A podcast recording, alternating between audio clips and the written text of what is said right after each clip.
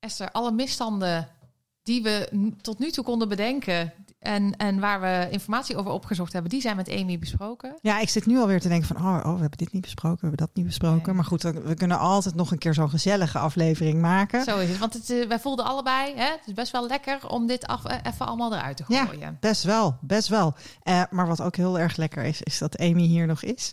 En dat we even met haar over haar persoonlijke zoektocht gaan praten. Want dat is een fantastisch verhaal.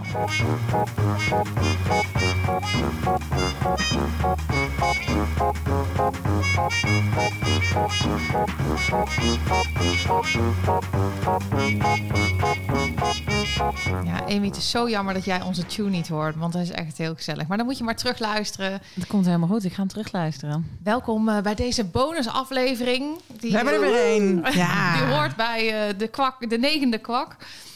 Eh, ja, Amy, we wilden natuurlijk ook nog eventjes tijd hebben voor jouw persoonlijke eh, verhaal als donorkind. Ja, leuk. Dus eh, daar zijn we. We hebben net eh, de misstanden behandeld in aflevering 9. En ehm, Ja, en toen hebben we eigenlijk snel gevraagd van wie is je vader, wie is je moeder? ja, Ja. Misschien wil je daar nu iets meer over vertellen. Ja hoor, dat wil ik wel. Ehm, nou, zoals ik zei, mijn moeder die eh, was eh, ehm, niet in de gelegenheid op dat moment om een kind met iemand anders te maken. Ze had wel een relatie, maar die wilde geen, eh, geen eh, ja, erfelijke kinderen, is het verhaal. En ehm, toen eh, heeft, was mijn moeder wel zwanger geworden en eh, heeft ze een miskraam gekregen. En daarna wist ze het zeker, ik wil kinderen. En toen eh, is ze naar Leiden gegaan, eh, Medisch Centrum Kinderwens. En dat heette toen nog Stichting Medisch Centrum voor Geboorteregeling. En ehm, een aanvraag gedaan om eh, geholpen te worden met, met donorzaad. En ehm, daaruit kwam ik. Dus ehm, ja, er was wel een man in mijn moeders leven, maar die ehm, ja, wilde dus geen erfelijke kinderen en is ook tijdens de zwangerschap vertrokken. Dus ik denk dat hij überhaupt geen kinderen meer wilde. En ehm, mijn moeder heeft eh, mij daarna alleen opgevoed. En, en ben je bewust de ene, of eh, niet vanuit jou, maar eh, vanuit je moeder bewust enig kind? Of had zij graag meer kinderen gewild?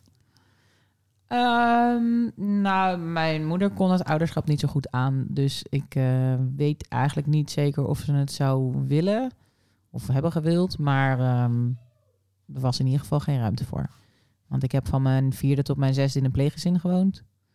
eh, omdat het met mijn moeder niet goed ging. Hm. Dus eh, ik weet eigenlijk niet of er een diepere kinderwens voor meer nog achter zat. Maar Nee. die zijn in ieder geval nooit gekomen. Was er dan ook geen ruimte voor misschien in haar leven? Nee. Nee, dat denk ik niet. Wil je iets, iets zeggen over wat er aan de hand was in die Ehm, periode? Ja, mijn moeder is eigenlijk al eh, van voordat ik geboren ben eh, psychisch ziek. Dus eh angst, eh, angststoornissen, dwang, ehm, psychoses, ehm, ja, hele verzameling, borderline problematiek.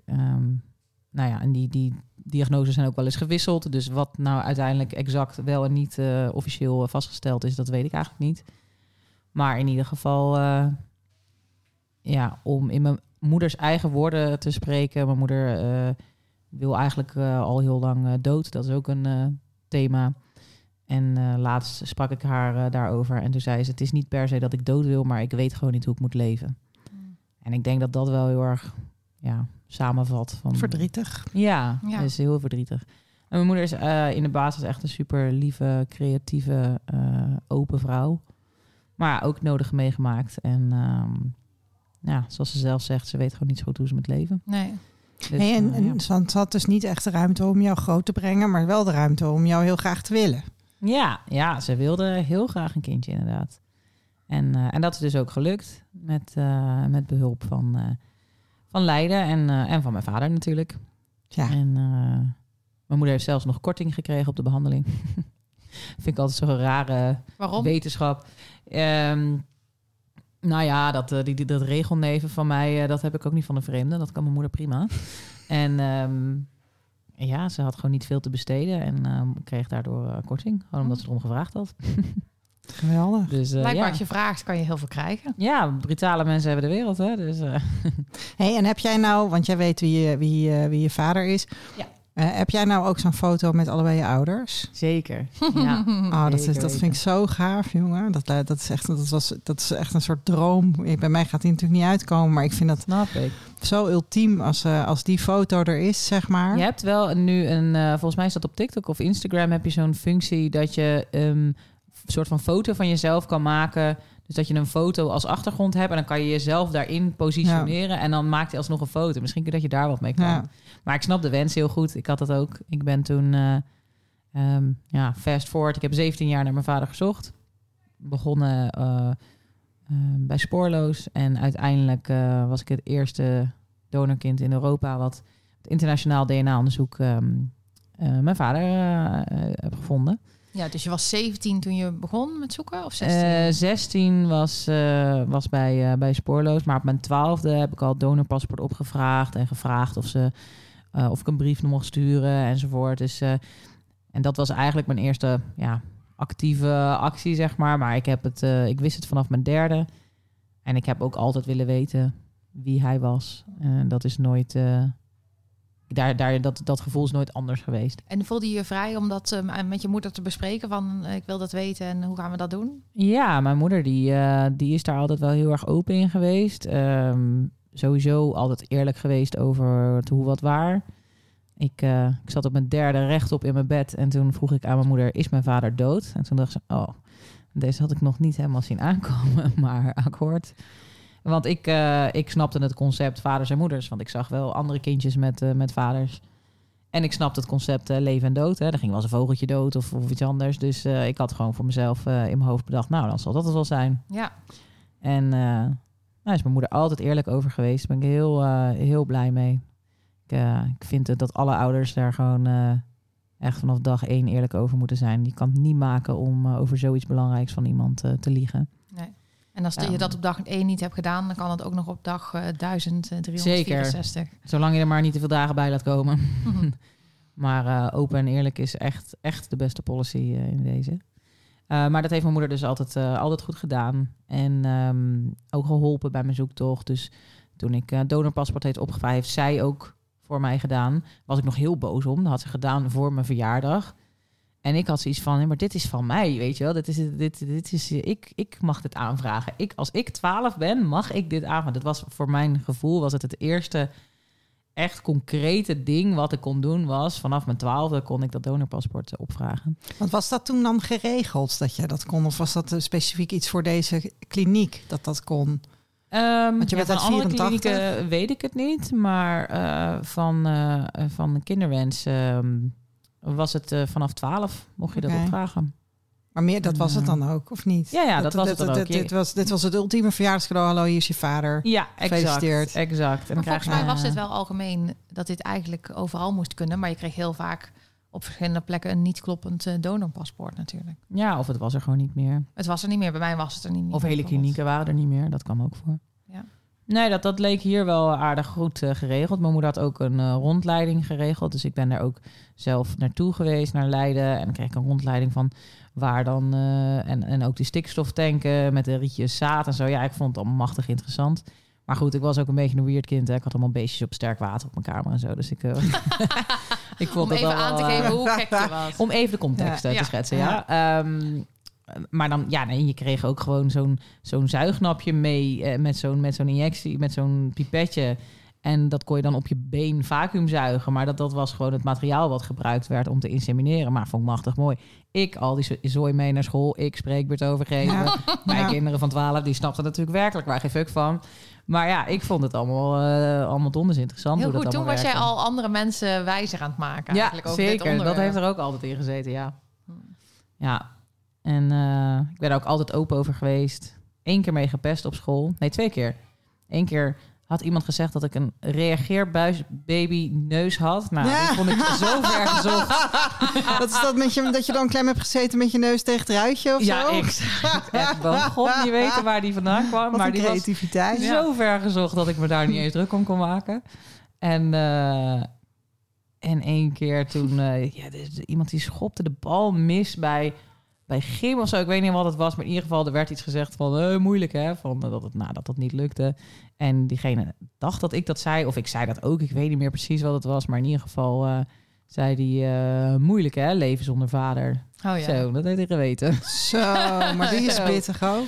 Echt achterna gezeten tot aan de, de, de sportkleedkamers aan toe. Totdat hij boven op dat rekje zat waar je je tas op kan gooien. dus eh, als we het hebben over boze Hij weet, hij weet het vast. eh, Als je luistert. Als je luistert. Ja, inderdaad. Die weet dat ook nog Ja, waarschijnlijk. die Heeft heel veel weten, ja. gemaakt. Ja, maar... hey, en wat was eh, jij ja. dan? Was je dan donorkind of KID-kind? Of had je gewoon geen vader? Of wat, hoe, hoe Hoe heette jij? zat, er daar, zat daar ik terminologie aan vast? Ik denk donorkind, denk ik dat dat er wel al aan vast zat. Dat is wel de, de term die ik, eh, die ik me het meest eh, kan herinneren. Ik kan me ook niet herinneren dat die ooit ontstaan is, die term. Oké. Net zo goed als dat je wel eh, de switch eh, heel bewust hebt meegemaakt van... hé, hey, het is niet mijn donor, het is mijn moeders donor en het is mijn vader. Zeg maar. die, die keuze in terminologie heb ik wel heel bewust eh, meegemaakt.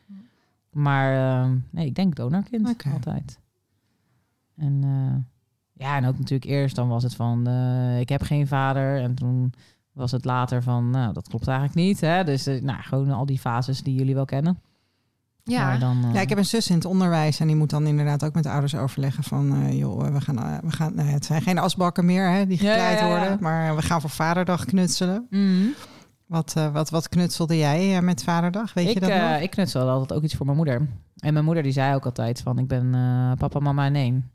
Met de beste intenties natuurlijk. Maar ja, ja daarmee... eh, op latere leeftijd heb je wel eens iets van... ja, daarmee streep je die plek van vader eigenlijk weg. Alsof ik die niet nodig Ja, zou hebben. Alsof dat precies. in één persoon te passen is. Maar dat met alle goede bedoelingen van de wereld... is dat natuurlijk niet te doen. Nee.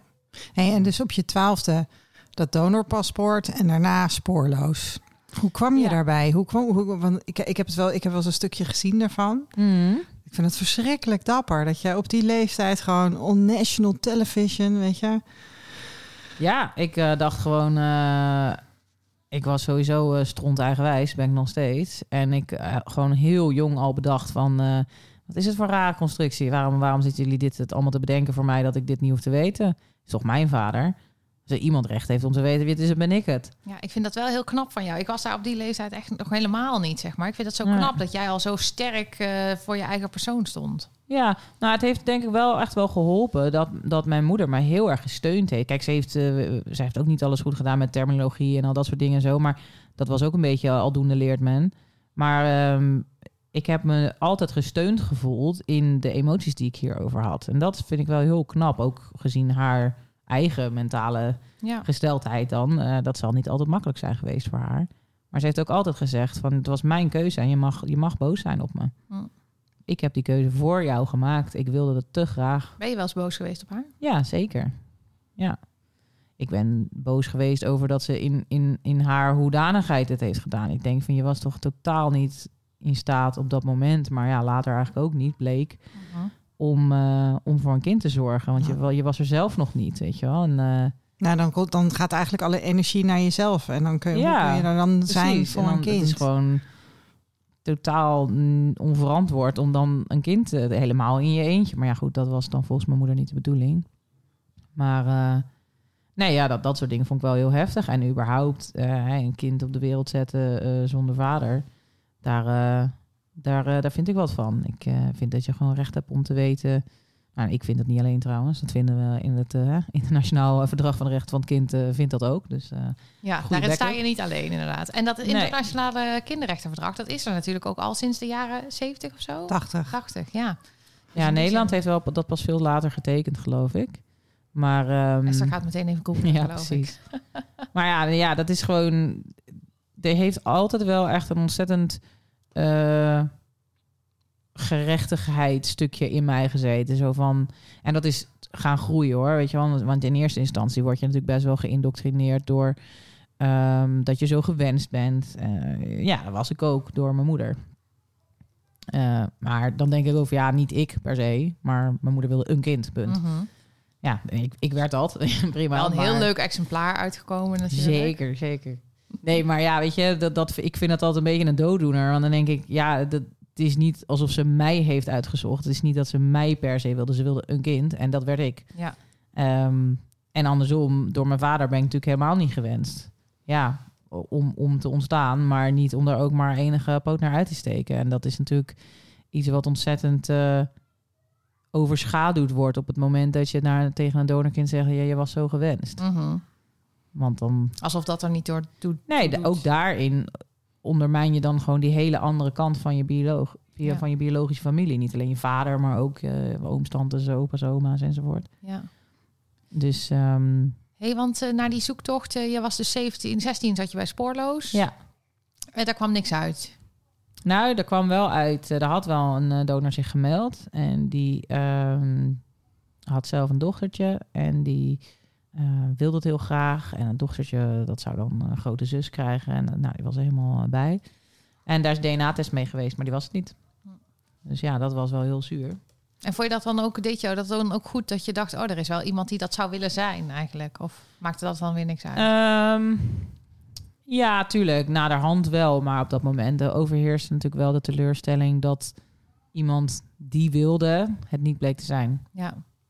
Ja, dat was wel heel verdrietig toen.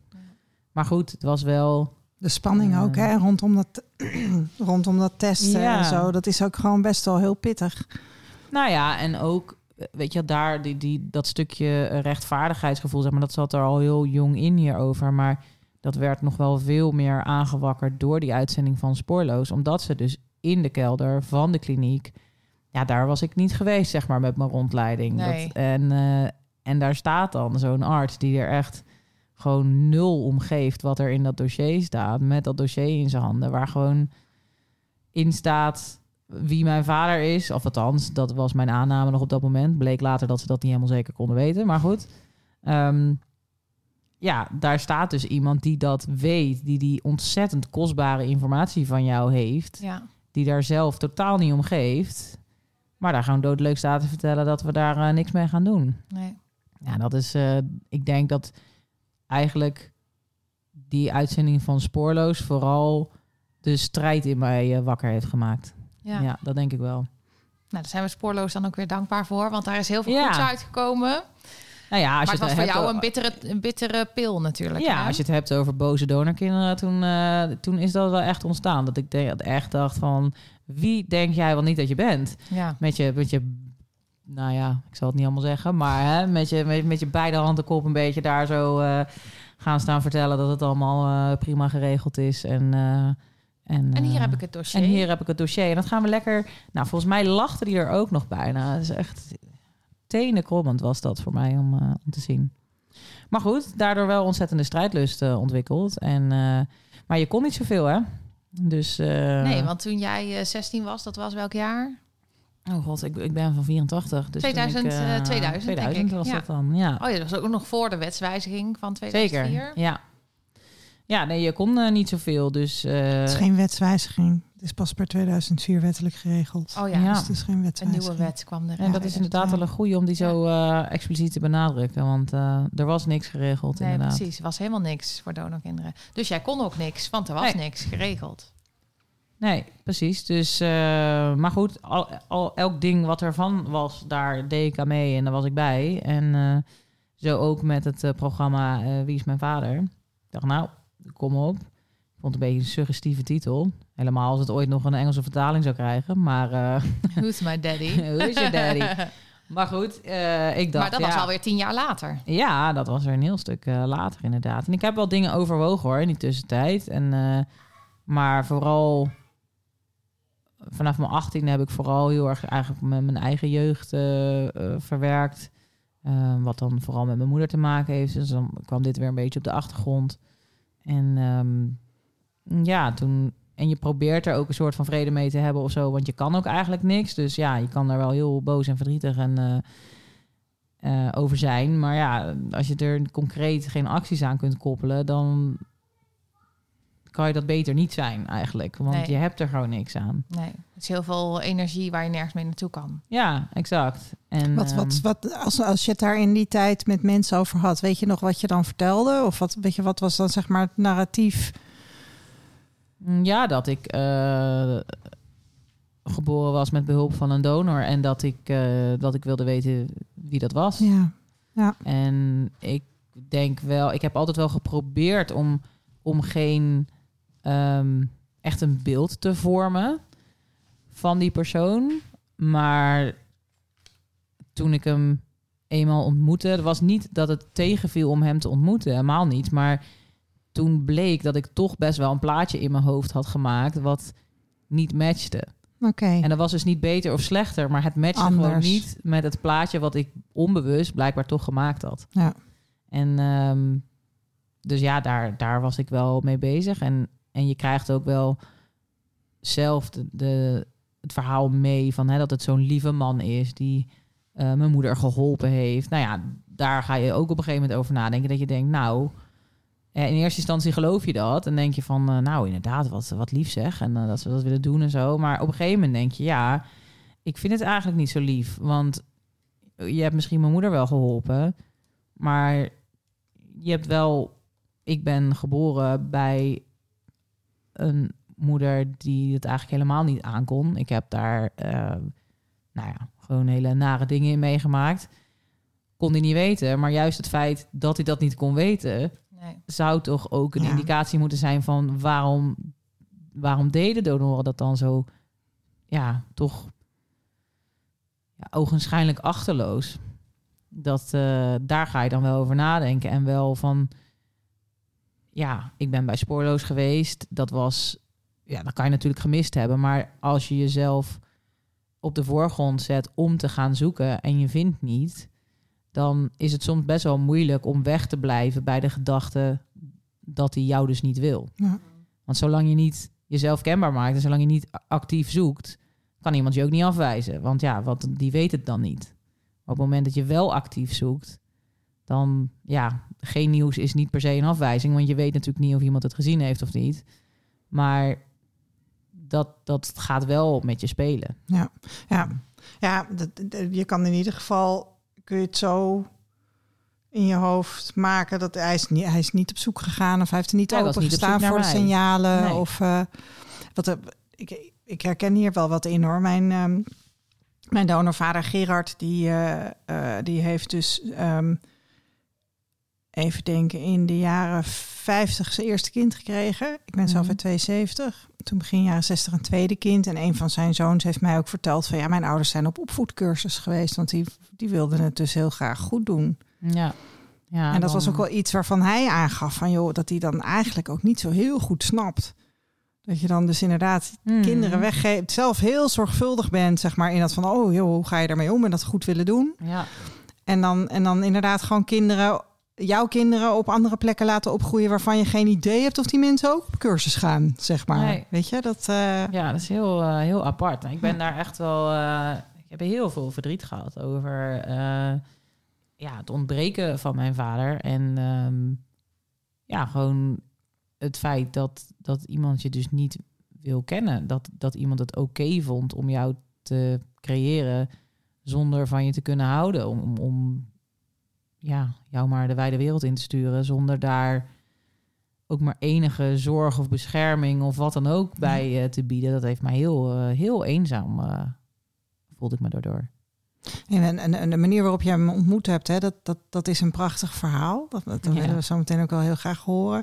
Waar ik ook wel even benieuwd naar ben, is van had je, hadden jouw ouders elkaar kunnen ontmoeten? Wa- wa- Was jouw vader op je moeder gaan liggen, zeg maar, vrijwillig? Gewoon even. Nou, de grap is, ja, jij zei in het begin, had je het over die foto. Eh, ik heb dus één foto eh, samen met mijn vader en mijn moeder.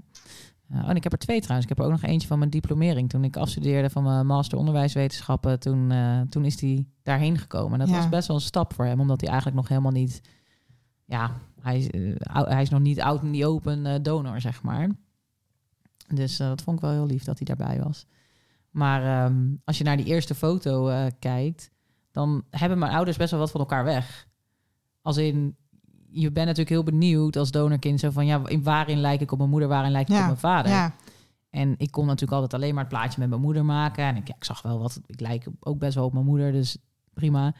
Maar ik had verwacht dat die gelijkenissen veel duidelijker verschil zou zijn. Dus dat je veel duidelijker zou hebben van, oh nou, dat heb ik echt voor mijn vader, oh, dat heb ik echt voor dat mijn je moeder. echt twee contrasterende plaatjes zou hebben, waar jij dan een zij mix van zouden bent. zelf dus best wel een soort van familie kunnen zijn. Zijn ze niet hoor, overigens. Maar ehm, Gelukkig. ja, dat, dat, had, dat had bijna gekund, zeg maar, qua, qua plaatje. Maar, hadden, maar Ehm. hadden ze elkaar leuk kunnen vinden in de tijd dat jij gemaakt werd, zeg maar? Oh, ja, vind ik een moeilijke vraag. Kijk, met mijn moeder ging het dus niet zo goed. Dus ik geen idee hoe zich dat naar buiten toe uh, uitte. Ehm, maar het zijn wel alle twee redelijk excentrieke mensen. Het zijn geen doorsnee mensen. Dus ze zijn ze lopen een beetje uit de pas. Ze zijn een beetje tegen draad. Een beetje, een beetje, een beetje okay. boel eigenwijs. Beetje, alle versterkt elkaar dan allemaal in ja, jou en uh, zie hier het resultaat. Ja. dat krijg jij gewoon van twee kanten, ja. Ja, dus Ach, daarin... Ach, goshie. Ja, dubbel, uh, ja. dubbel belast. Nee, ja, dus, dus wat dat betreft denk ik dat dat best wel een match had kunnen zijn. Dat ze wel alle twee een beetje rebels waren, denk ik. Maar ja, hoe, dan, hoe, is dat bij jou, Eefje? Heb jij het idee dat jouw ouders hadden die elkaar leuk kunnen vinden? Je hebt, je hebt natuurlijk jouw donorvader niet ontmoet, maar je hebt, je hebt een foto van hem gezien. Je kent verhalen. Zou, zijn, het, zijn het mekaars type? Zouden ze, zouden ze in bed hebben kunnen belanden? Ja, ik heb geen idee. Denken jullie hier wel eens over na? Want ik denk ja, hier dus over na. Ja, ik, heb gewoon... nou, ik heb hier oprecht nog nooit over nee? nagedacht. Nee. Oh. Ja, ik... Zal ik vertellen hoe het bij mij is? Want dan kan jij nog even nadenken. Ja, want ik weet het niet. Nou, mijn moeder was dus 25 toen ik gemaakt werd. En mijn uh, donorvader was 45. Hij was 2 meter 3. Mijn moeder is best wel op uiterlijk. Ik vind, als ik, als ik foto's van hem zie, dan zie ik een man met morfan, met lange armen, lange benen. Weet je, dus die 2 mhm. meter 3, mijn moeder 1 meter 67. Hij was dus echt een stuk ouder. Nou, ik, ik denk altijd bij mezelf, die hadden elkaar niet lekker vinden ruiken. Die hadden niet, weet je, zo, nee, nee, dit was gewoon totaal geen match. Nee. nee. Nou ja, ik kan het me niet voorstellen, maar ik vind wel um, wat jij zegt over jouw ouders, dat ze allebei een beetje excentriek zijn, dan moet ik meteen denken. Ik vind mijn ouders allebei, tenminste, sorry als ik hier iemand beledig, maar een beetje doorsnee of zo. Ja, ja. En dat voel ik dan zelf ook wel een beetje. Dat ik denk, ja, ik ben ook maar een heel normaal iemand of zo. Want als jij iets niet bent, dan is het doorsnee. Ach wel, nee, dat is Nee, dat is niet waar. Nou, dan uh, heb ik heel slecht zelfbeeld. Maar uh, ja, dat, leuk. dat denk ik dus. Ja, ik vind hun allebei een beetje dat ze opgaan in de. Ik heb heel okay, vaak. dat je iedere keer opnieuw aan ze zou voorstellen. Ik zeg heb maar. Erg, uh, als ik hmm. ergens kom en dan heb ik me al vijf keer aan iemand voorgesteld. En dan uh, gaan mensen zich weer zeggen: oh, ja. ik ben die en die. Dus dan denk ik, oh, dat zo. versterkt ook dat beeld. Dat herken dat ik, ik hoor, ja, dat heb ik ook. Ik ga een beetje ehm, op in de massa of zo. Ah, precies. Ik, ik zit er nu over na te denken dat ik daar wel eens uh, die eerste keer dat mijn ouders elkaar ontmoetten, toen gingen we uit eten. En uh, wat ik me wel daarvan nog kan herinneren, dat die twee dus gewoon gezellig zaten te kletsen met elkaar. En dat, ik, dat je dan een beetje zo even boven jezelf stijgt, weet je wel? Dat je even zo van, van, van boven de naar, naar die situatie kijkt. Dat was zo'n rare gewaarwording. Want die, nou ja, je kan het geen flirten noemen, zeg maar, maar wel... Nou, die hadden gewoon... Uh, dat is gezellig. Ja, ja, die hadden het gewoon uh, donders gezellig met elkaar, weet je wel. En wat dat betreft, ja, of ze dan met elkaar zouden daten of niet vroeger, dat, dat weet ik niet. Maar het, het was voor mij was het zo'n aparte gewaarwording om daar te zitten met mijn ouders. En op een gegeven moment zaten ze dus ook gewoon grapjes te maken van, uh, van nou hebben we goed gedaan, hè? Van over dat ik dan goed gelukt was. En ik, ik, ja, ik donderde zo wat van mijn stoel. Weet je, want ik echt zo van, oké, jullie kennen mij alle twee enigszins. Ik bedoel, mijn vader enigszins, mijn moeder kent mij heel goed. En dan denk ik, hoe, hoe kun je dat nou zeggen, weet je ja. wel? Want jullie hebben niks gedaan met z'n twee hoor. Weet je wel. En dan, ja, gewoon ook, ook bij de mensen die zo dichtbij je staan en die, die zo dit, dit verhaal meekrijgen, komen er dan af en toe nog dingen uit waarvan je denkt, jezus, je snapt er echt geen van. Maar dat, dat blijkbaar, je wordt continu geconfronteerd, heb ik in ieder geval, met niemand snapt dit echt, behalve wij onderling. Ja. Als in, je kan het in zes talen uitleggen, 26 rondjes omheen draaien en het in uh, hele fijne partjes uh, bij iemand door zijn schot duwen. Maar dat komt, het, ze snapt het gewoon niet. Nee, ik merkte dat van de week nog vroeg iemand aan mij uh, van, ja, maar denk je dan niet van, ik ben toch ja, ik ben wel blij dat ik er ben. Dus toch blij dat het dan zo gegaan is. Want anders was je, was je er niet geweest. Ja, nou, die dooddoener kennen we nou ook wel inmiddels. Ja, ja maar dat gebeurt toch nog dat mensen dat wel ja. Want zij voelen dat blijkbaar zo of zo. Zij denken van, ja. anders had je niet geleefd. En, uh... Nee, maar ik, ik moet die nog steeds moet die altijd verantwoorden. Dat, dat ik, ik zeg altijd, ja, maar ik had er eigenlijk niet moeten zijn. Betekent niet dat ik mezelf morgen aan de boom ga opknopen. Ik bedoel, nee. ik ben er en ik maak ja. het beste van. En zo ik heb prima naar mijn zin uh, grotendeels. Maar nou ja, wat je zegt, mijn ouders hadden elkaar normaal gesproken waarschijnlijk niet ontmoet. Ik ben een, een, een science project wat dat betreft. Ik vind niet dat het verantwoord was om mijn moeder op dat moment in haar leven aan een kind te helpen. Ja, uh, weet je, dan had ik er gewoon niet moeten zijn. Nee. Maar dan en dan was mensen... je er niet geweest en dan had jij niks van Ja, dan had er helemaal geen probleem mee gehad. ja, mensen doen er dan altijd heel dramatisch ja. over. Maar dan ja, maar dan, tegen mij zeggen ze dan ook nog van... Ja, maar dan waren je kinderen er ook niet geweest. Oh, ja. maar ja, dat was ik er niet. Dus die waren dan sowieso... Weet je, nee, ja, sowieso, nee dat, dat zegt niks over of ik wel of niet mijn kinderen wil. Weet je, nee, maar mensen zit een rare draai in, jongen. het concept begrijpen dat als jij zelf als entiteit nooit gecreëerd wordt dat er dus ook geen entiteit is om daar een probleem mee te hebben. En er dus ook geen entiteit is om vervolgens weer kinderen te maken. Die is er dan dus niet. Dus die heeft ook geen probleem.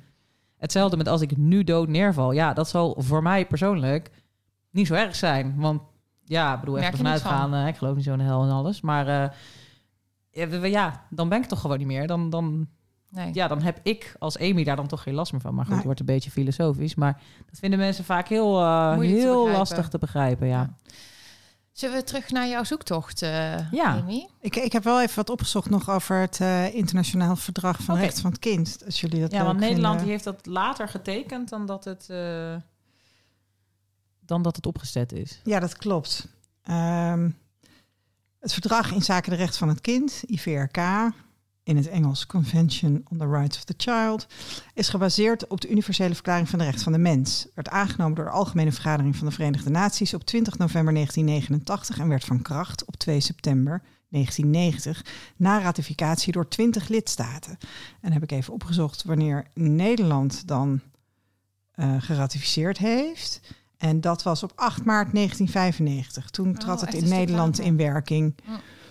Dus dat is vanaf 95 uh, geldt dat hier.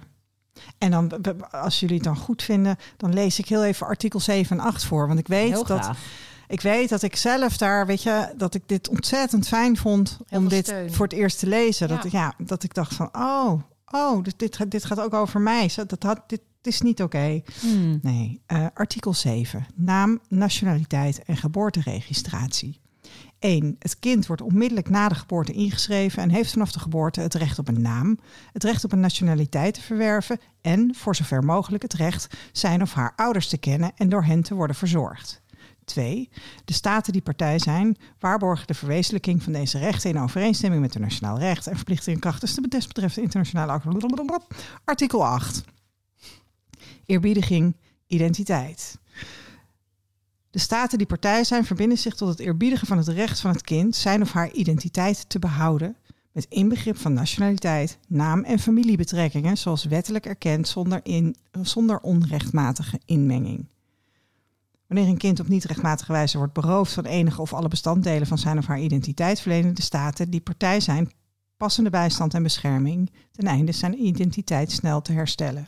Wat je dan soms hoort is dat dat, ja, maar er staat voor zover mogelijk. Ja. Dat, dat, en, en, en er mhm. staat ouders, maar dat kunnen ook de ouders zijn die voor het kindje zorgen. Nee, dit gaat over biologische ouders. Ehm, en dat voor zover mogelijk, dat heeft dus te maken met of ze leven of niet. Weet je? Dus, ja. En, en niet, uh, niet met allerlei constructies die wij nu uh, bedenken. Nee, dat, daar hebben we natuurlijk ook heel vaak als, je, als, je, als mensen argumenten aanvoeren dat er ook zoveel kindjes zijn, uh, huiselijk geweld of allemaal andere dingen. Ja, er kan natuurlijk 101 dingen kunnen er gebeuren, maar ons hele punt met donorconceptie is dat we dat met z'n voren, uh, met z'n allen van tevoren bedenken dat we het zo gaan doen. En dus van tevoren bedenken dat we die rechten gaan ontzeggen. Ja, precies. Ja, en dat vinden we niet oké. Nee, nee. Maar goed, dat was eventjes tussendoor. Uh, Even terugkomend op... Uh, heel goed, heel goed. Daarnet. We waren maar, ergens halverwege jouw ja, zoektocht. waar was ik? Um, 2011 was je dus, uh, dat hebben we gehad. Ja, nou ja, ik, ben, ik heb toen eigenlijk in die tussenjaren veel meer eigenlijk emoties verwerkt erover. Maar wel altijd de wens gehad van uh, als ik iets anders kan doen, dan ga ik het doen. Um, wel toen via hives en zo met andere donorkinderen in contact gekomen. Dat was ook heel bijzonder, want ja, dat was ook gaaf. voor het eerst.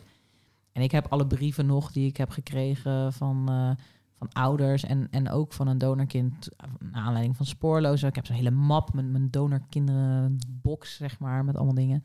Ik zit nog in, in je messenger in 2011. Zeker, zeker. oh jongen, ik zag ze op tv en ik was echt helemaal... helemaal Zusjes. Zusjes. Ik wil ook Dan heb zusjes. ik ook, dan, heb- misschien heb ik ook wel zusjes. Ja. Ja, Wauw. Ja, mijn zoektocht heeft zich eigenlijk, zeg maar, in mijn hoofd vooral altijd om de, om de vader ge- eh, gedraaid. Dus dat was echt waarvan ik dacht, daar heb ik recht op. Dat wil ik weten. Dat is onderdeel van mijn identiteit. En ik moet en zal dat eh, te weten komen. Wel altijd in de wetenschap van ja, misschien heb ik nog weet ik veel hoeveel broertjes of zusjes. Maar ik denk dat ik gewoon dat hele concept van die hoeveelheid gewoon niet, omdat ik ook niet was opgegroeid met broers en zussen. ehm, en wel later drie eh, pleegbroers heb gekregen, mijn pleeggezin. En dat waren gewoon, en zijn nog steeds, eh, mijn broers. Als ik naar huis ga, dan ga ik naar hun. Weet je wel? Dus, dus daar had ik echt wel dat, dat gezinsgevoel. maar Mooi. gewoon het, het concept van, van, van, weet ik veel, 40, 50 eh, halfbroertjes. eh, of, of 25 dan, hè, toen er nog over gelogen werd. Ehm, dat kon ik denk gewoon niet beseffen of zo. Nee. Maar eh, zodra er weer wat mogelijk werd, ehm, heb ik dat altijd wel met beide handen aangegrepen. Dus ik heb eh, toen de oproep kwam voor het programma Wie is mijn vader, heb ik me daarvoor aangemeld. En ging ik ook meteen helemaal mee in de mediamolen daaromheen. Dus ik kwam met eh, een ander donorkind, die later van eh Karbaat eh, bleek te zijn. En twee donoren kwamen wij in de Volkskrant met een artikel, met een soort vierluik. En toen heeft een mevrouw haar dochter opgebeld en gezegd: Luister, jij moet even de Volkskrant kopen. Dat meisje op pagina 7 of zo was het, geloof ik. Dat is familie van jou, dat kan niet missen. Mhm. Zij de Volkskrant kopen. En eh, de grap was dat ik, er was een foto bij dat artikel. En ik had echt de dag daarvoor, had ik mijn haar donker laten. eh, ik ben zelf eh, donkerblond. Maar had ik het echt gewoon diep donkerbruin laten verven. En ik zat nog na dat interview, dacht ik, oh jezus, dat had ik echt niet moeten doen.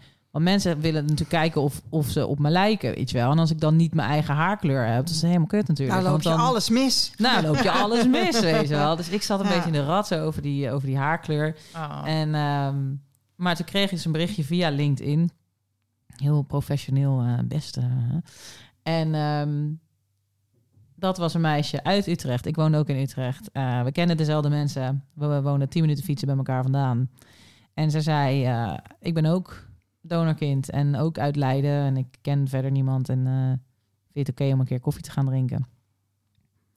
En eh, dat zijn we toen gaan doen. Ik liep op kru- Had jij al door dat zij eventueel een... Want zij had wel door dat ze eventueel jouw halfzus kon zijn. Maar had je dat anders ja, ook door? nou ja, tuurlijk wel. Kijk, dat is natuurlijk het eerste waar je aan denkt eh, op het moment dat je, dat je zo'n contact krijgt.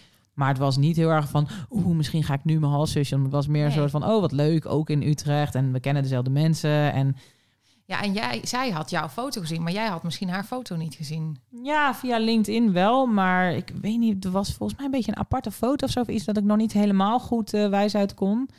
Maar ehm, ik weet nog wel dat het, eh, dat het sneeuwde en dat ik op krukken liep. Dus het was een heel gedoe om daar bij die, bij die koffiebar te komen. En, eh, maar we hadden afgesproken voor koffie en uiteindelijk gingen we borrelen. En uiteindelijk zijn we uit eten gegaan. En uiteindelijk hebben we nog een borrel gedaan. Aan het einde van de avond waren we er echt heilig van overtuigd. We bestelden een kopje thee en we pakten alle twee hetzelfde zakje. En we dachten, dit is een teken.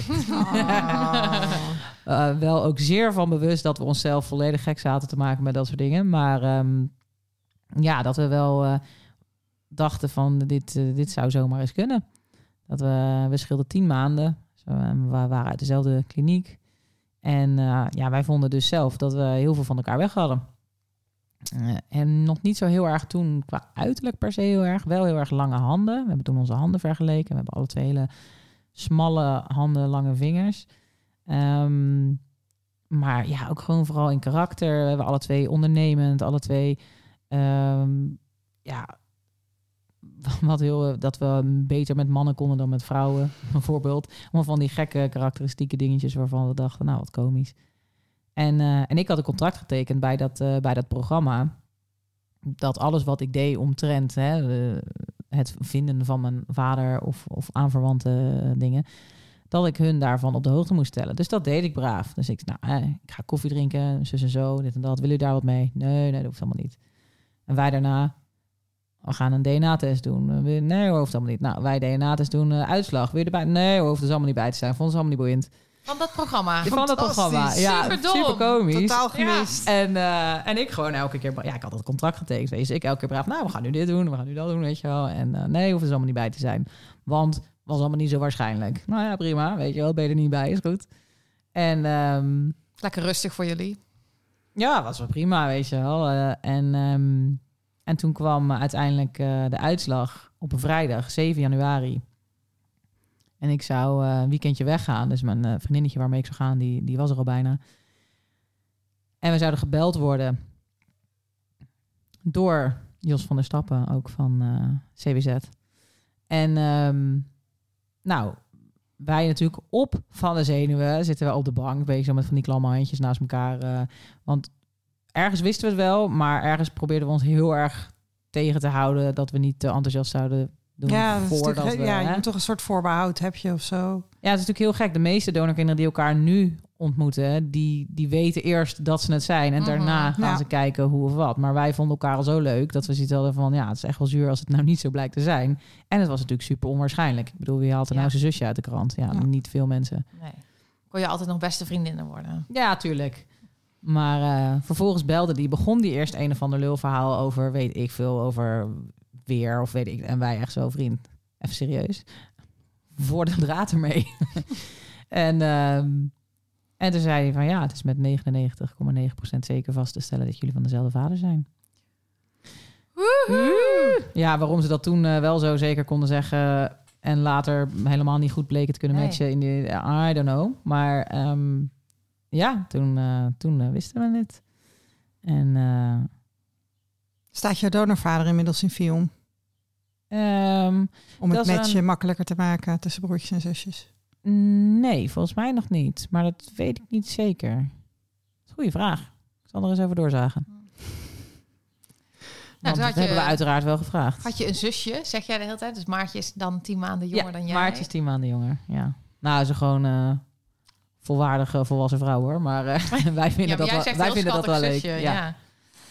Ja, en eh, ja, dat was een ontzettende rollercoaster. Dat was echt een soort verliefdheid. Dat was eh, Maartje voor, Ik zag Maartje dus eh, vanochtend eh, zat ik terug te kijken van jullie bij de Wereld Draait Door. En Mhm. ik zie jullie dus gewoon eh, helemaal verliefd op elkaar zijn. Dat is Ja. zo schattig om terug te zien. Ja, dat is ook Heel echt... leuk. Dat is wat Ivo de halfje, halfjes high noemde. Dat je in het Oh, begin ja. gewoon... eh. Oh, Dat je dan ik verliefd heb nu pas door dat hij precies wordt. dat daarmee bedoelde. Ja, Ja. dat je in het begin gewoon helemaal... Ah. Nou ja, wij hebben later wel eh, tegen elkaar gezegd van... nou, het is goed dat we niet, eh, niet op elkaar eh, vallen, zeg maar. Want het- dan eh, kan, best wel, eh, kan best wel scheef gaan, zeg Ja. maar. Als je zo eh, die intense verbinding eh, voelt. Ja, zoals jullie dat voelden, ja. Ja, en zij zat net... eh, ze was verloofd en ze ging echt eh, een paar maanden later ging ze trouwen. Nou... haar man, eh, Laurens, waar ik heel goed mee kan hoor, die, eh, die had het wel even gehad met me op een gegeven moment. Ik dacht zo, kan die naam niet horen? genoeg gezien. Ja, Goeie shit. mooi. ja. Hey, en toen konden jullie... Toen was je niet meer alleen in je zoektocht. Nee, toen was ik niet meer alleen. Ik was nog steeds wel de, de fanatieke zoeker van de twee. Eh, mijn zusje die had altijd zoiets van... heel kleine kans dat dit gaat lukken. Dus daar ga ik mijn energie niet aan, aan verspillen. Maar stond wel achter mij in wat ik deed. Dus ik vrolijk doorzoeken. Of nou ja, vrolijk doorzoeken. Chagrijnig doorzoeken. Zagrijnig doorzoeken. Boos, Pisseling boos doorzoeken. waren we toch? We waren boos. Oh, ja, Ja. boos.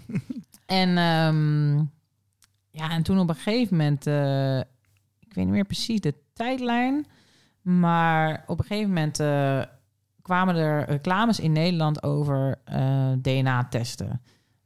Van FTDNA was dat, geloof ik, of van Ancestry. Ik weet niet precies welke reclame ik toen gezien heb, maar... En dat was in eerste instantie was het een beetje zo'n fun-test... en waar dan je DNA vandaan kwam. En toen werd er in een Facebook-groep werd het gepost van... hey, kennen jullie dit? Eh, Is dit wat? Of wat, wat moeten we hiervan vinden? Nou, iedereen super sceptisch. Ik ook. Maar eh, ik die site uitpluizen en ik denk, hé, hey, baat het niet, schaadt het niet. Dus ik eh, mijn ziel aan de duivel verkocht uiteraard. Heel mijn, heel mijn DNA naar Amerika. Maar... ehm, en ook alle andere testen uitgezocht en gewoon gedacht... eh, en dat was voor mij echt het omslagpunt in mijn zoektocht. Dat ik, eh, ik had er echt wel heel veel last van. Dat ik niet wist wie mijn vader was. En eh, ik functioneerde verder uiteraard wel uitstekend. Hè, volgens de statistieken. Want ik had gewoon een baan en een studie afgerond en al die dingen. Maar ik had daar emotioneel heel veel last van. Ja. En dat meet verder niemand. Hè? Nee, Dus, nee eh, dat, is, eh, dat is gek. Dat willen ze niet weten, geloof lijkt ik. onbelangrijk. Nee, Ja. dat, dat, dat is ook wel eerder aan de bod, aan bod geweest. Weet je, dat er, de, in principe is de onderzoeksgroep nu groot genoeg om te kijken van wat, wat, wat voor dingen spelen er nou hè, onder donorkinderen. Ja. En Ja. Er gebeurt nog best weinig. Nou ja, het is alsnog gewoon een biased groep natuurlijk, omdat wij allemaal weten. Omdat we het weten, ja. Ja. Ja, maar ik heb een keer begrepen, hè, ik zat een keer in een expert-meeting Mhm. bij de evaluatie van de wet donorgegevens Mhm. kunstmatige bevruchting. En daar zat een, eh, ik zat daar met eh, allemaal gestudeerde mensen eh, ehm, in, in, in de groep. En daar wist een hoogleraar mij te vertellen van nee, maar er zijn heel veel mensen die het niet weten. En die hebben er geen problemen mee. Ja. Dat is sorry. Maar serieus, hè? Knap, hè, En toen moest ik die man wist. dus afpellen daar in die groep met al die gestudeerde mensen. Omdat we uiteindelijk op het punt kwamen dat we het niet wisten. Of die mensen het erg vinden, omdat ze het niet wisten. Dus, Ja. Maar man. Ja, ontzettend. Ja. Ja, nou ja, maar goed. eh, ik eh, kwam gewoon in, op een omslagpunt in mijn zoektocht dat ik dacht, ik ga hier eh, misschien wel aan onderdoor als ik niet hier op een of andere manier voor mezelf een, een, een sluitstuk in kan eh, Ja. maken. En toen heb ik gedacht van oké, ik ga alles op alles zetten om, eh, om hem te vinden. Maar echt alles. Als in, ik was be- bereid de, de wet te overtreden als het moest. Zover is gelukkig niet gekomen. Maar ik, eh, ik durf heel eerlijk niet te zeggen waar ik was gestopt. Als ik niet, zeg maar, ik heb nu gevonden op een manier die een, nou, semi, eh, semi goed is, zeg maar. Maar ik weet niet. eh, Nou, in 2015 vonden heel veel mensen dat heel schokkend. Maar ik denk tegenwoordig... ja, denken nee, mensen, maar nou, meer als natuurlijk, je, wat ik nu gedaan heb, kun je wat van vinden. Maar wettelijk gezien eh, heb ik eh, niks Nee. verkeerd gedaan. Maar je hebt die testen Ehm, heb je gedaan. Ja, ik heb gewoon alle DNA-banken ingeschreven die er waren. En eh, ik heb mijn moeder een test laten doen, zodat ik mijn matches die ik daar had kon, eh, kon scheiden tussen ja, wat van mijn vader en wat van mijn moeder was. Dat was al een heel bijzonder punt in de zoektocht, omdat ik dus ineens familie van vaders kant had. Het was wel- Mhm. weliswaar ver weg, weet je wel. Het waren Ja. ja, echt achter, achter neven.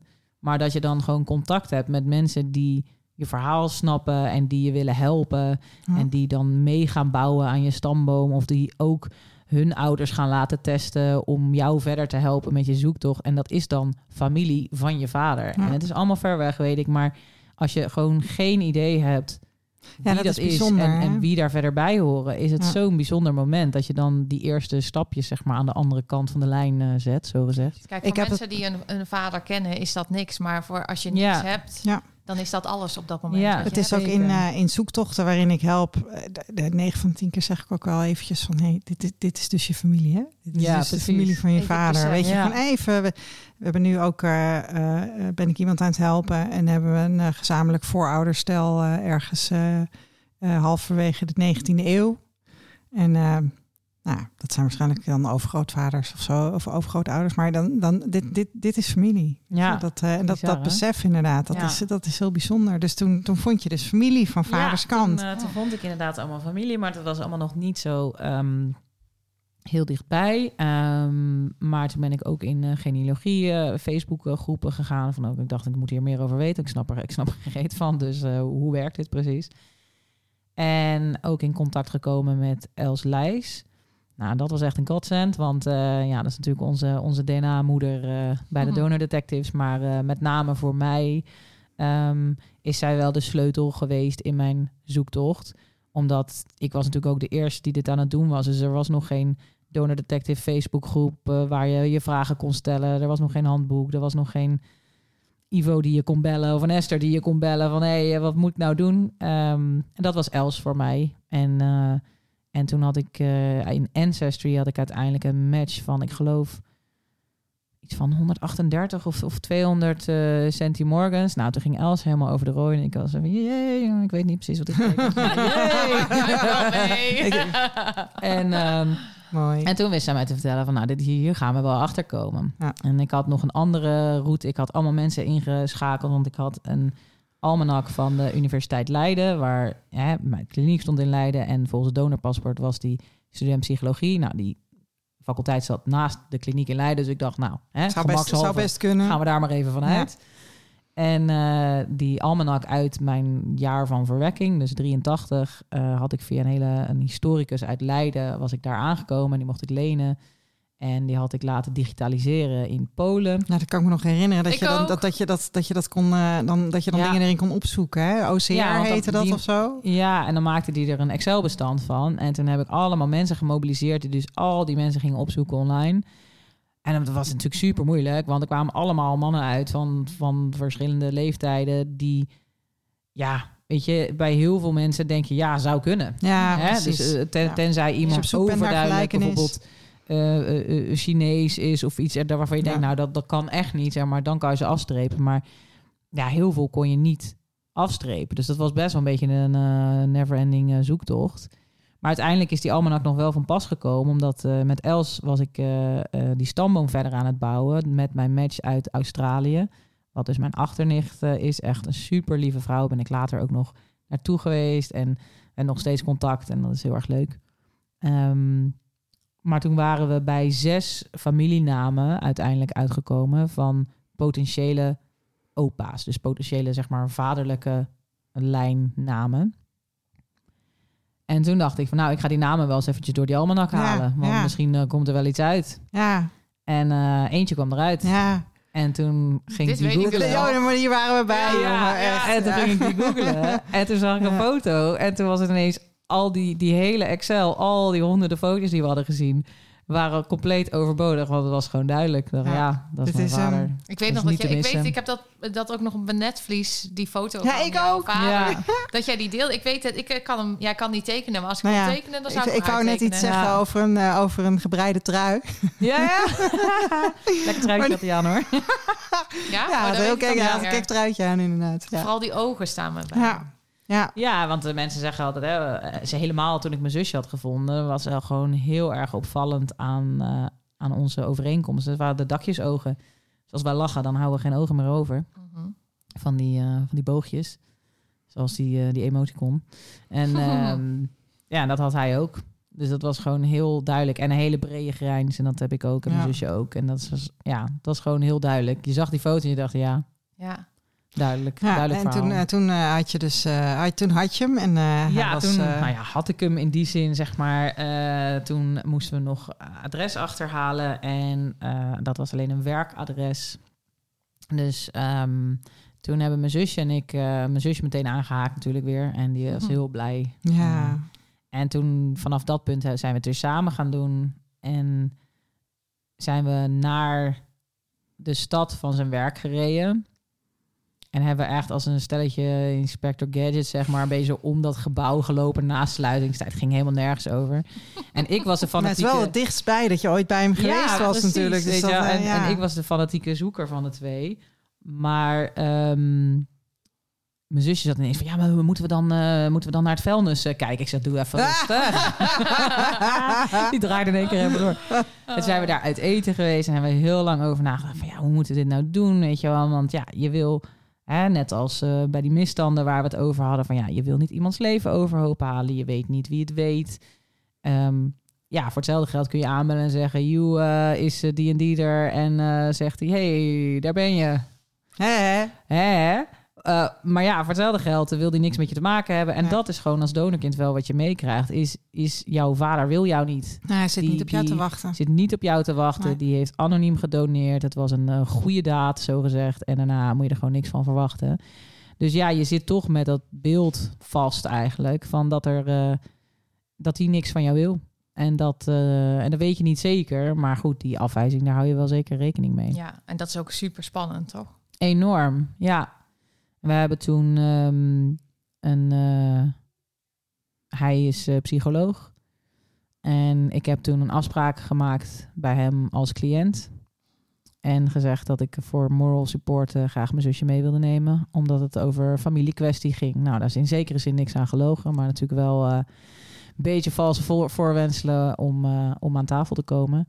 Maar het was voor ons echt een enorm wel overwogen keuze. Omdat eh, alle andere opties eigenlijk voor ons eh, geen optie bleken.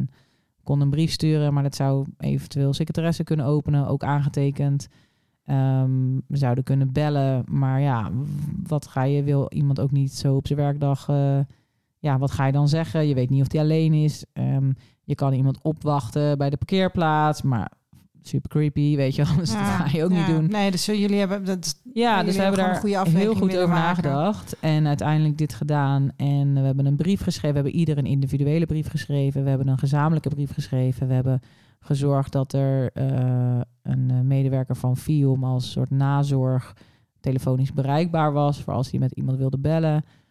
En we hebben al die brieven en, en, en die ja, nazorg zeg maar hebben in een envelop gedaan. Dat we dachten van nou, als hij ons wel binnen vijf minuten weer eruit zet, dan kunnen we dat nog achterlaten.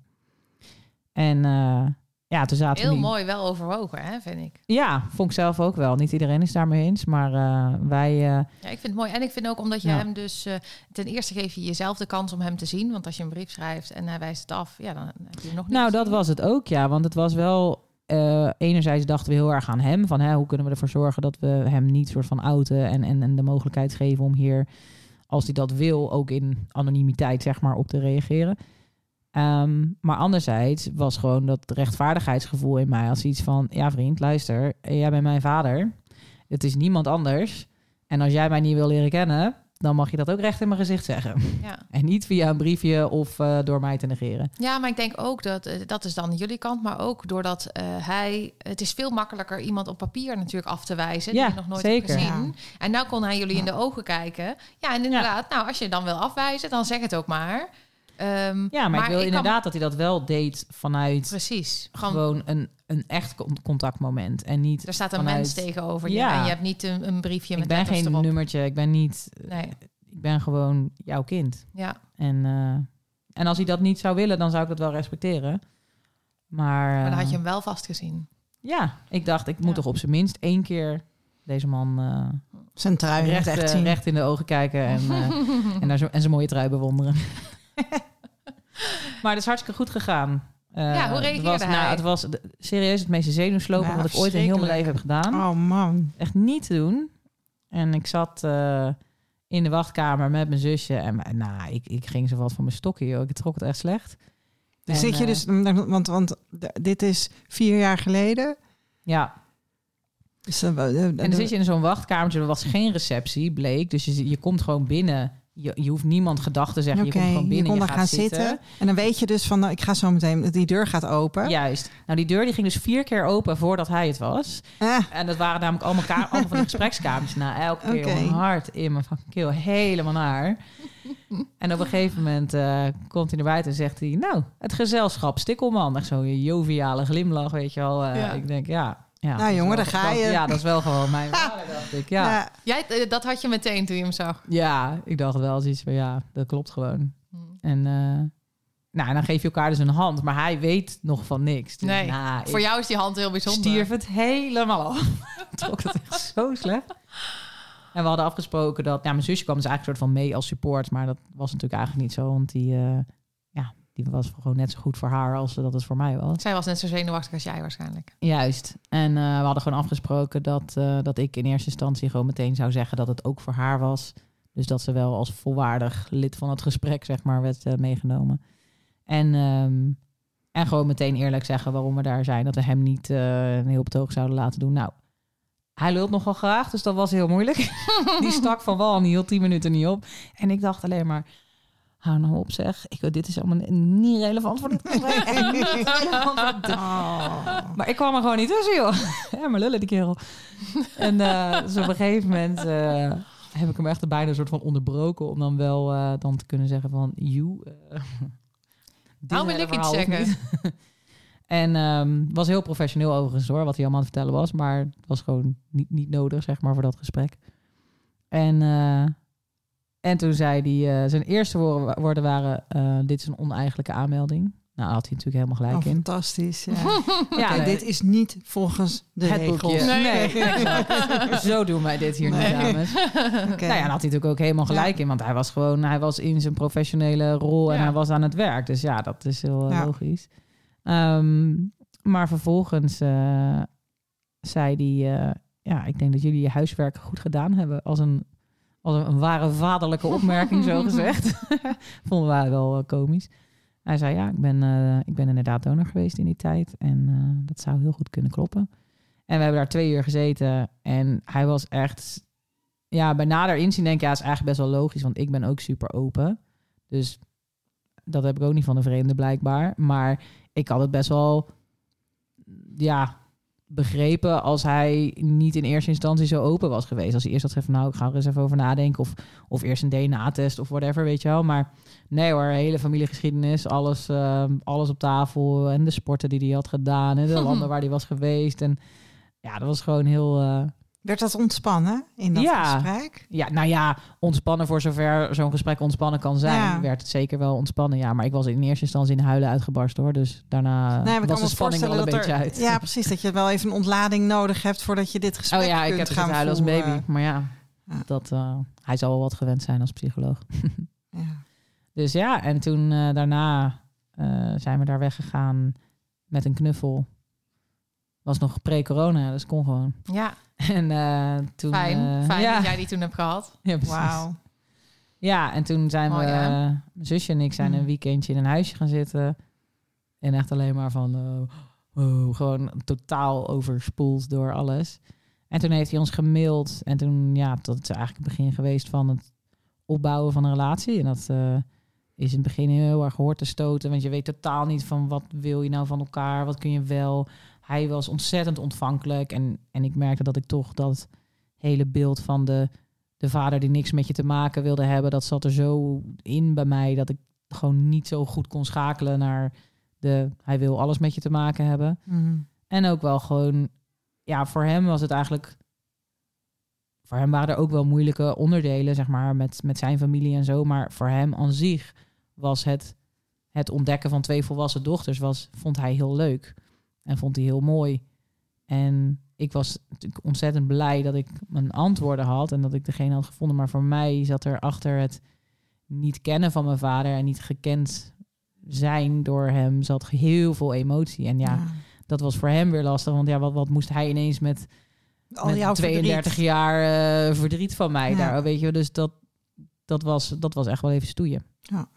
Maar, ja, en dat, eh, maar dat, zeg, dat, dat, dat zei Els volgens mij ook nog. Weet je, dat als je dan gevonden hebt, dan begint er een nieuwe zoektocht. Zeker, ja. Echt boek 2 is dat. Ja, Maar daar zijn we nu, inmiddels zijn we daar wel redelijk uit.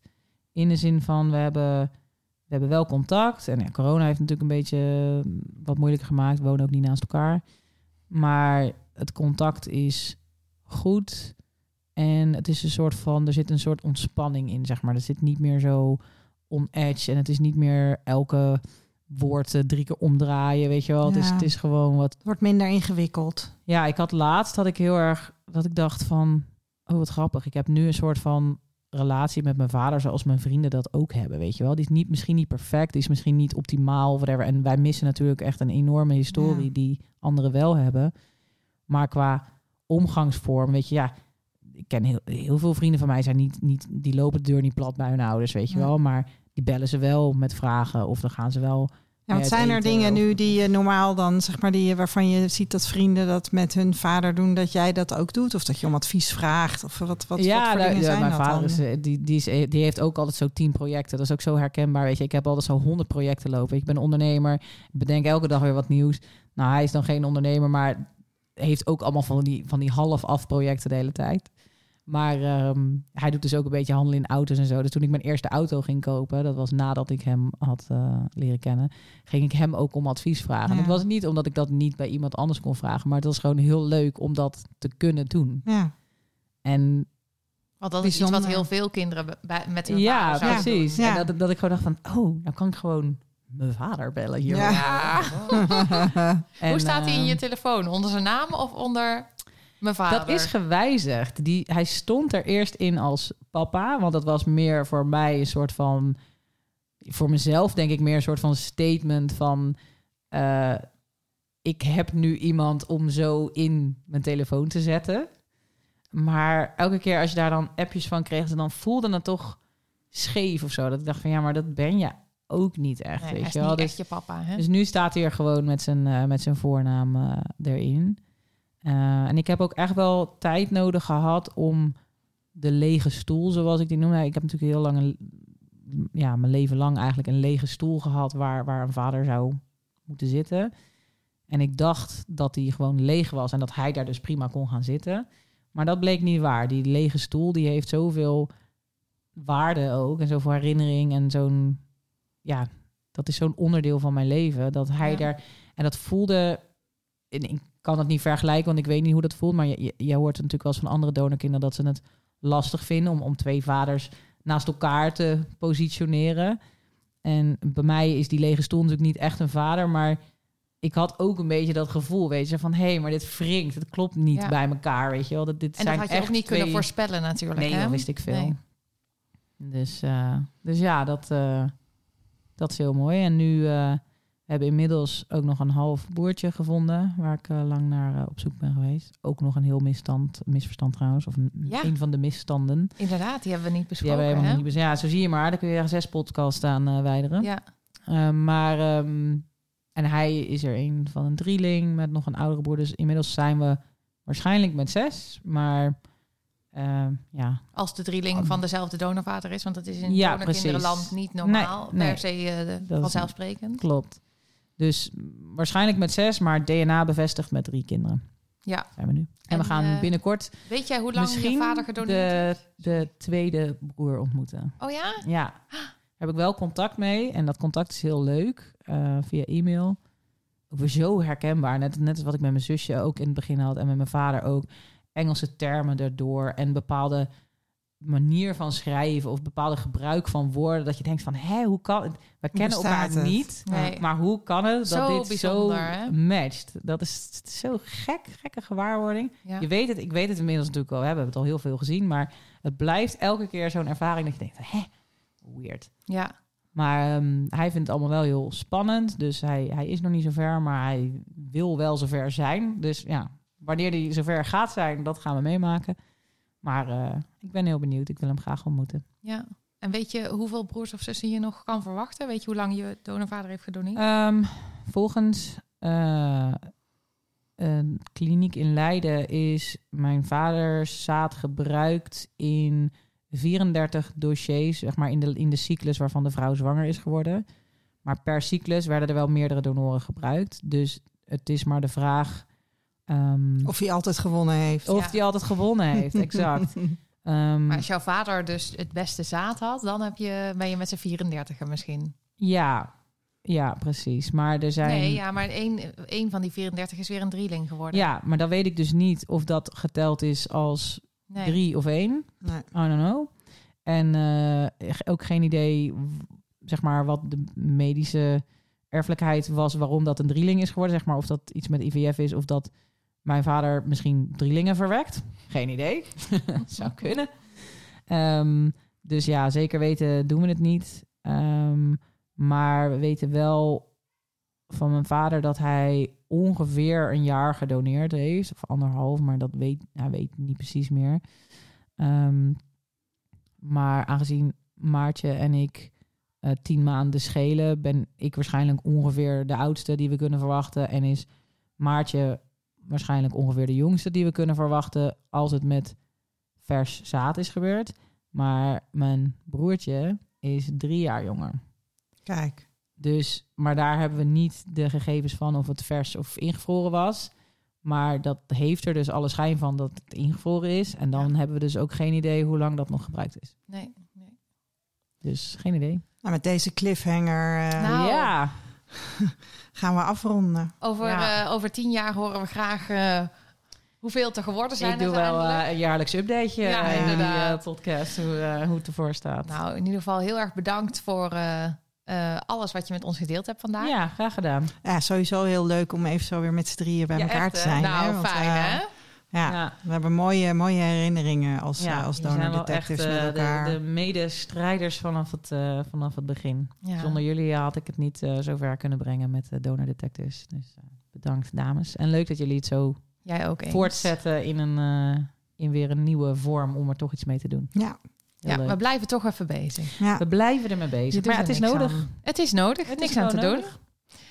Dan eh, zijn we rond. Yes. ja, heb je genoten van het luisteren naar deze podcast? Eh, geef ons dan een rating, een beoordeling in je podcast-app. Ehm, En eh, de volgende, Esther, gaat over... dan gaan we praten met een donorkind wat ook altijd al geweten heeft. Ja. En hoe is dat dan? Gaan we daar wat dieper op in? Ja, is ook een wat jonger iemand. Want je zit hier natuurlijk toch met een stelletje oude taart aan tafel. dus eh Romy die is de volgende keer bij ons te gast. En die gaan we bevragen over haar ervaringen als donorkind. Graag tot dan.